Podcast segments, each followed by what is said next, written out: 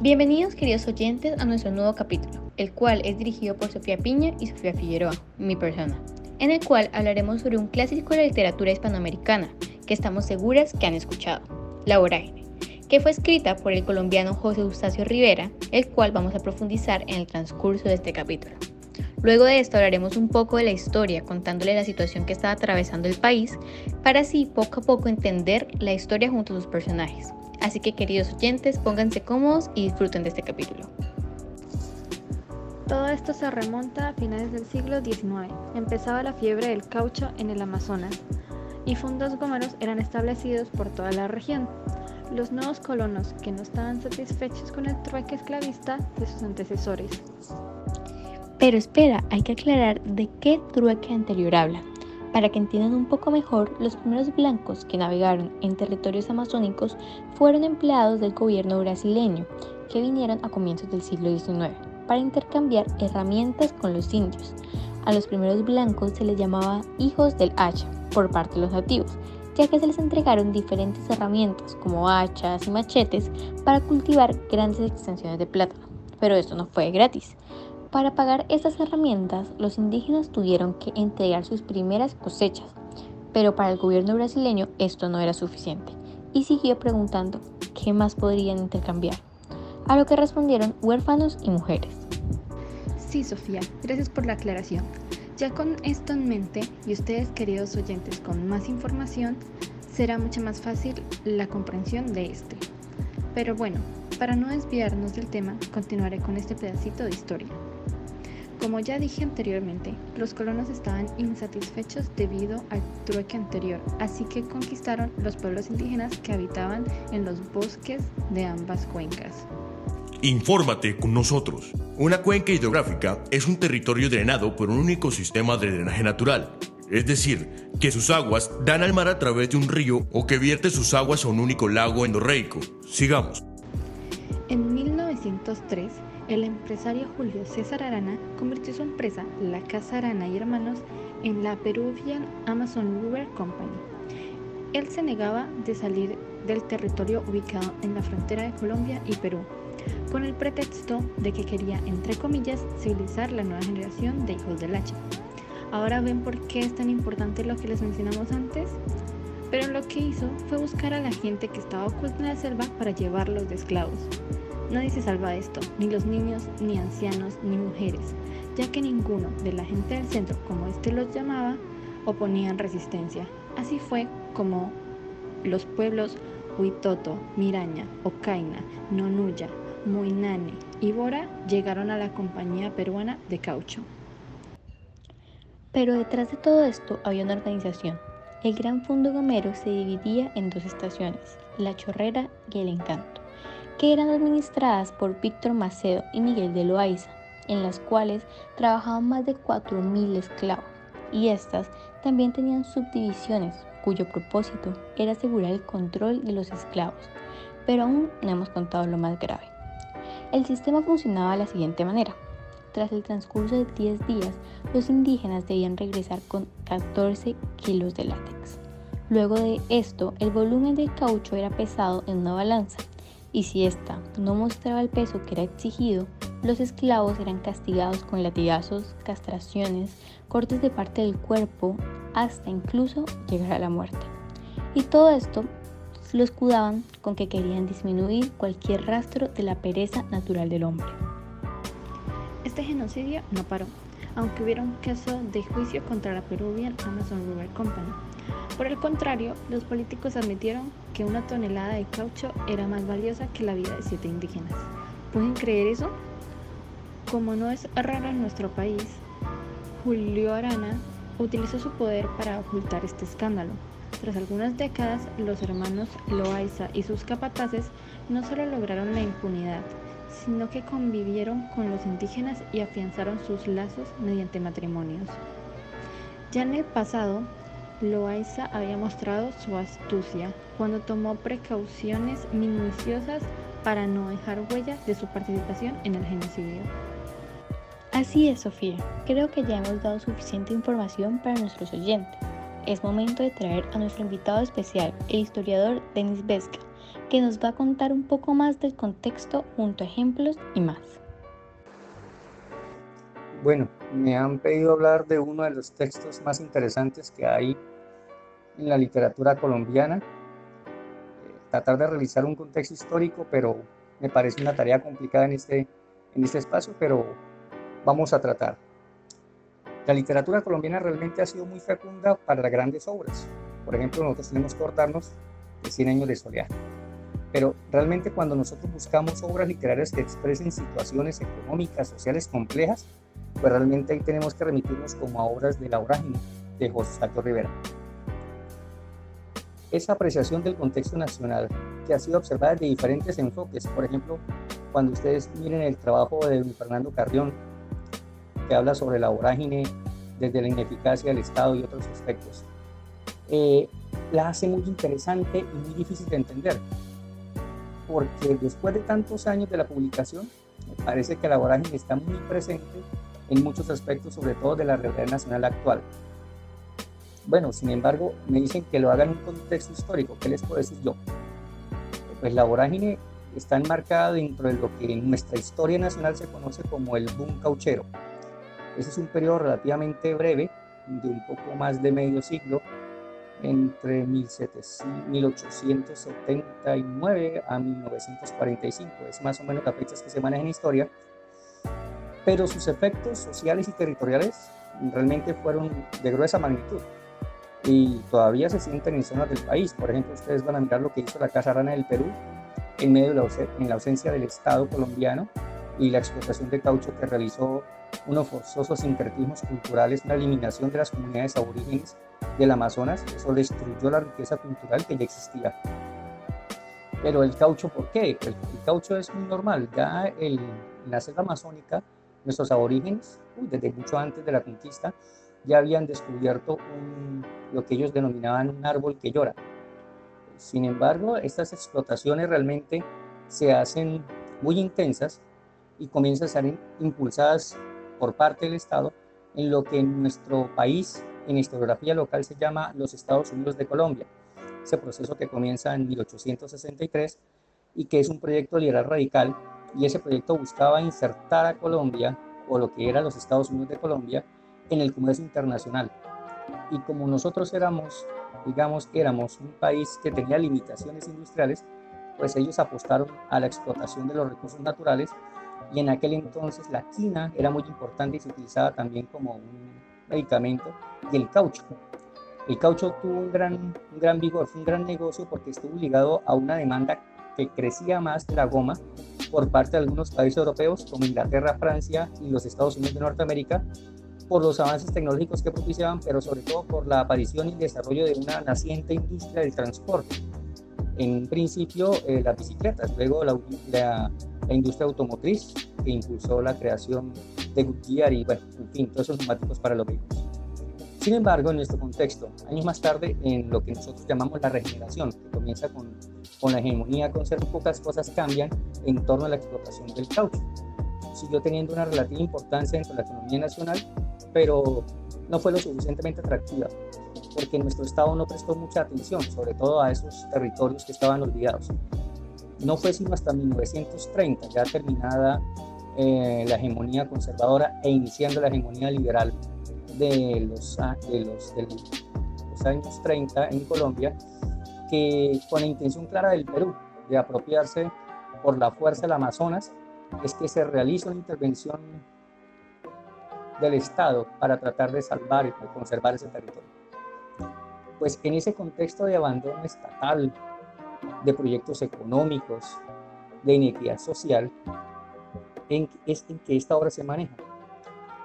Vuelvo e insisto, pese a muchos años de su publicación, parece que esta obra está más vigente que nunca y sobre todo con una industria ya totalmente olvidada y abandonada, pero que deja de antemano toda la explotación y las injusticias que se realizaron en los territorios y con las personas que de ella dependían. Bueno, espero que esto haya servido de algo y gracias por escuchar.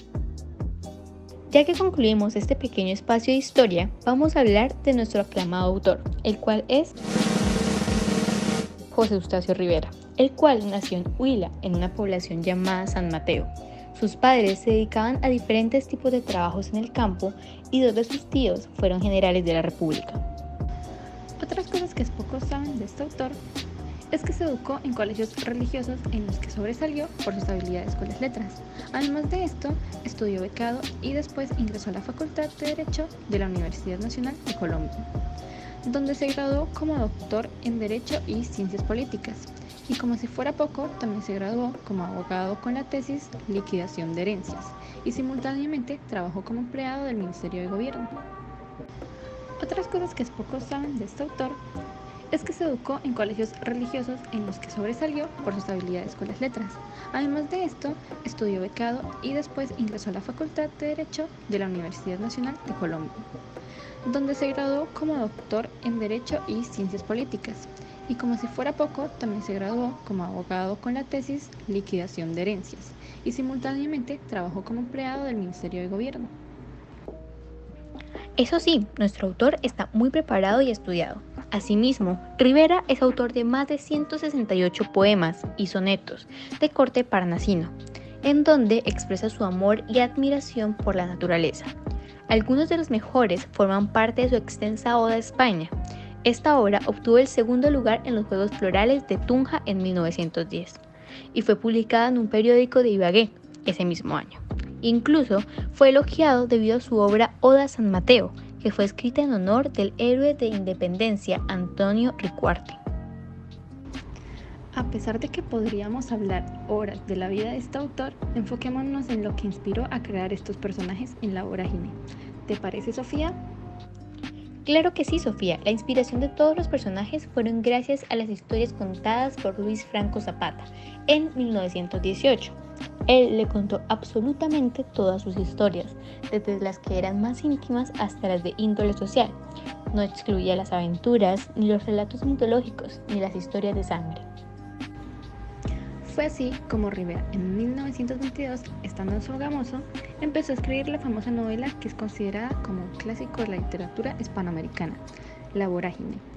Esta novela se publicó en 1924 en Bogotá, después de dos años escribiéndola y seis meses de revisión.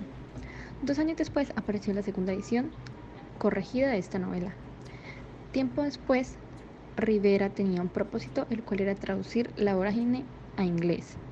Por lo tanto, decidió viajar a Nueva York, donde quería llevar esta gran obra a cine. Pero, lamentablemente, eso no pudo suceder. Además, también quiso empezar su siguiente novela, La Mancha Negra, que se perdió dos años después en Nueva York. Otro dato interesante es que antes de la llegada a la vorágine, la literatura colombiana solo tenía a María de Jorge Isaacs como una obra de indiscutible altura universal. Pero Rivera logró apartar la novela nacional del localismo detallista propio del costumbrismo y con una expresión única supo cómo plasmar a través de la tragedia de Arturo Cova la difícil lucha del hombre con la naturaleza. Pero la vida no es siempre color de rosa. En 1928, Rivera, justo después de despedirse del piloto que viajaba a Colombia en el aeropuerto, cayó gravemente enfermo, debido a que se encontraba demasiado mal. Unos días después fue llevado de manera urgente al hospital en estado casi comatoso, sufriendo convulsiones y síntomas de hemiplegia, falleciendo el 1 de diciembre. No hay certeza de lo que causó su terrible muerte, pero ha concluido que lo que pudo haberle pasado fue que haya padecido de malaria cerebral, que posiblemente fue adquirida durante sus viajes por la selva. Después de su muerte, su cuerpo embalsamado fue llevado de Nueva York a Colombia para poder ser enterrado el 9 de enero de 1929. Tras un trayecto de 39 días en diferentes medios de transporte y recibiendo sin falta en cada puerto y pueblo homenajes que no llegó a recibir en vida, una pérdida que siempre quedará en el corazón de los colombianos. Totalmente de acuerdo contigo, Sofía. Teniendo en cuenta esto, hagámosle a nuestros oyentes un pequeño resumen para que entiendan un poco mejor esta magnífica obra. Esta obra está dividida en partes y en esta oportunidad les hablaremos un poco sobre lo que nos relata la primera de estas. Dicha parte comienza hablando de la complicada situación que estaba viviendo Alicia, la que había descubierto que sus padres habían ido a un acuerdo para que ella se casara con un terrateniente viejo pero rico. Ella En su desesperación, decide tener una moría con Arturo para poder librarse de este matrimonio. Pero el prometido de Alicia condena a la cárcel a Arturo, por lo tanto deciden huir al Casanare. Allí encuentran a los amigos que los acogen y ayudan. Don Rafo, la pareja de Griselda, y Fidel Franco. Este último tiene una fundación que es empeñada con la promesa de que su Vieta, que es el dueño de un gran hato, Infórmate con nosotros. Ato, conjunto de animales de ganado mayor o menor. Continuemos. Gracias por la intervención. Como decía, la promesa consistía en que su Vieta le venda mil reses en rebaja, pero a cambio debe cogerlas. Pero todo esto era una mentira de su Vieta, el cual solo buscaba librarse de Barrera, que era un cauchero que prometía oro y riquezas, buscando convencer a todos que lo siguieran en la explotación del caucho. Entre estas personas se encuentra Griselda, la cual siempre Barrera buscaba para prometerle cielo y tierra. Junto a Griselda siempre estaba Alicia, y cuando salían solas usualmente se encontraban a Barrera. Pero Arturo, cuando ve esto, explota de celos, porque según él existía la posibilidad de que Alicia le fuera infiel con él. Por lo tanto, va al acto de su dieta donde el alcohol le juega una mala racha y se enfrenta a Barrera pegándole un tiro en el hombro.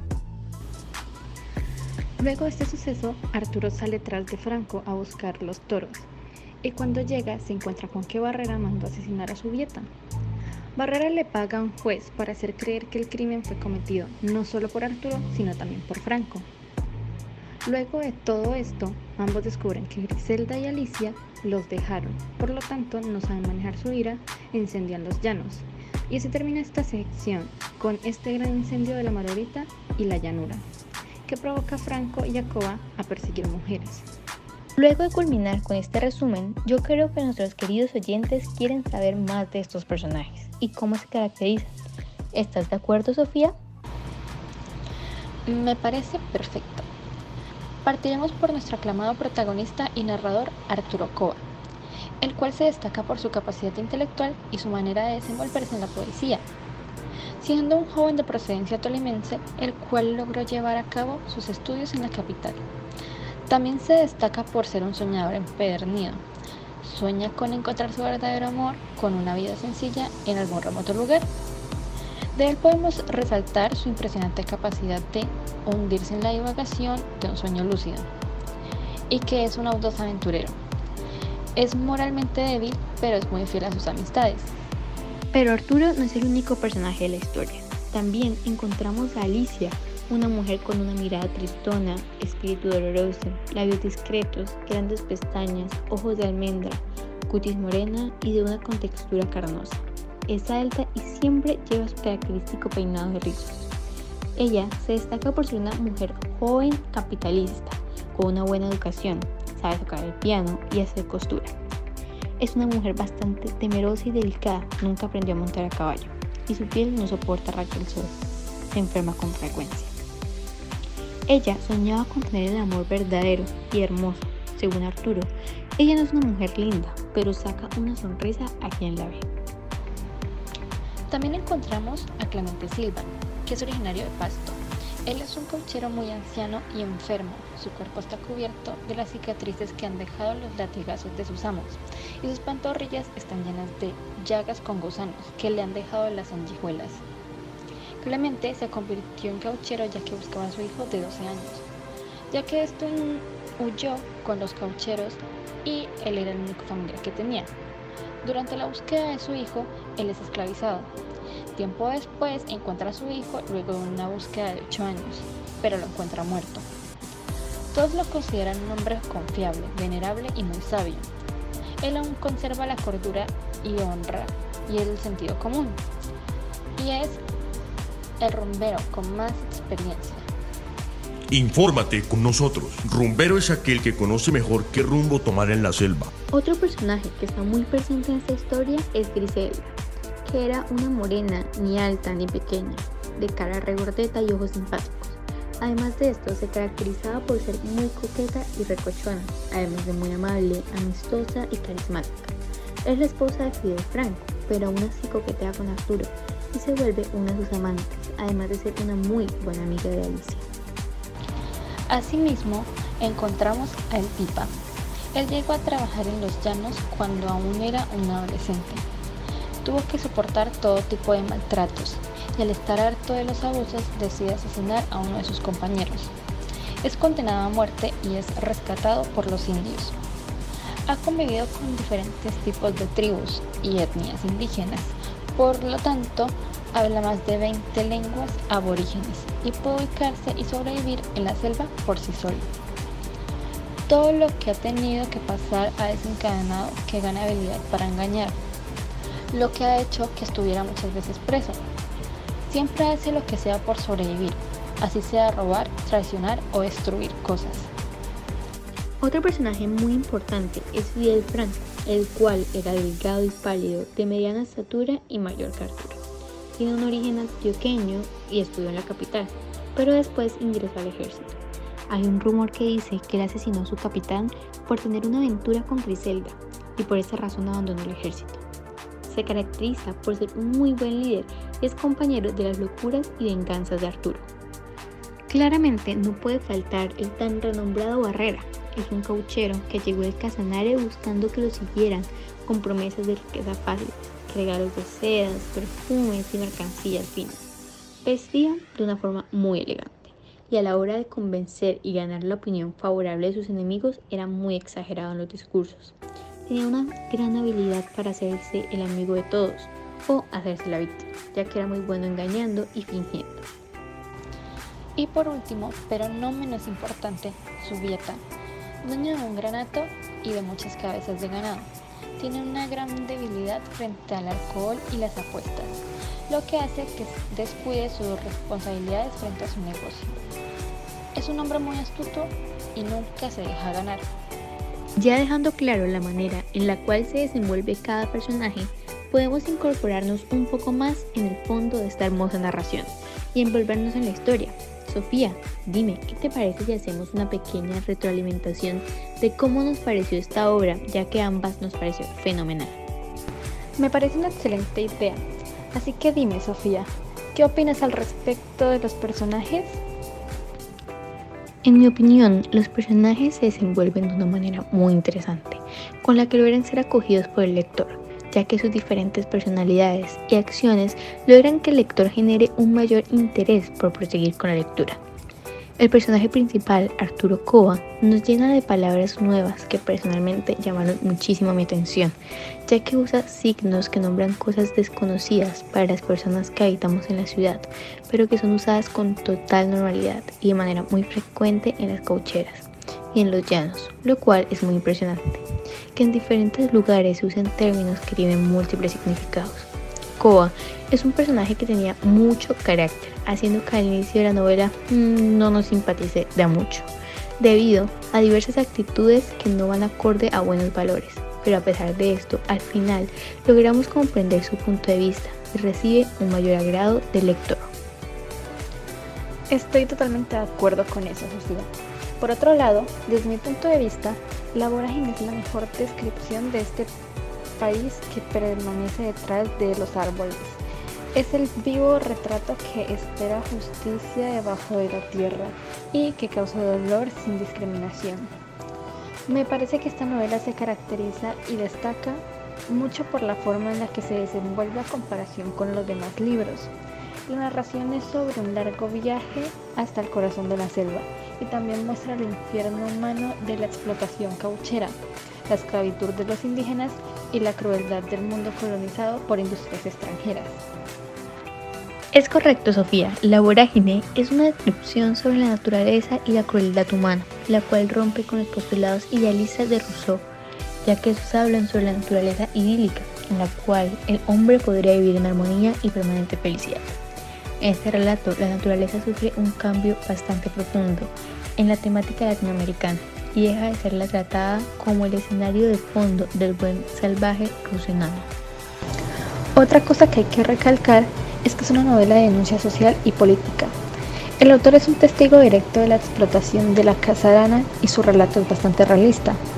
Koba deja de ser un simple intelectual urbano que se adentra en una zona jamás imaginada para conocer una realidad de miseria y explotación infrahumanas en las que las ansias de poderío superan toda esperanza de cambio o de conmiseración cristiana. Y algo que me parece increíble es cómo pudo expresar toda esta problemática de Colombia mediante un relato, tocando los corazones de un país entero. Con esto, lastimosamente, terminamos este episodio. Muchas gracias por escogernos una vez más.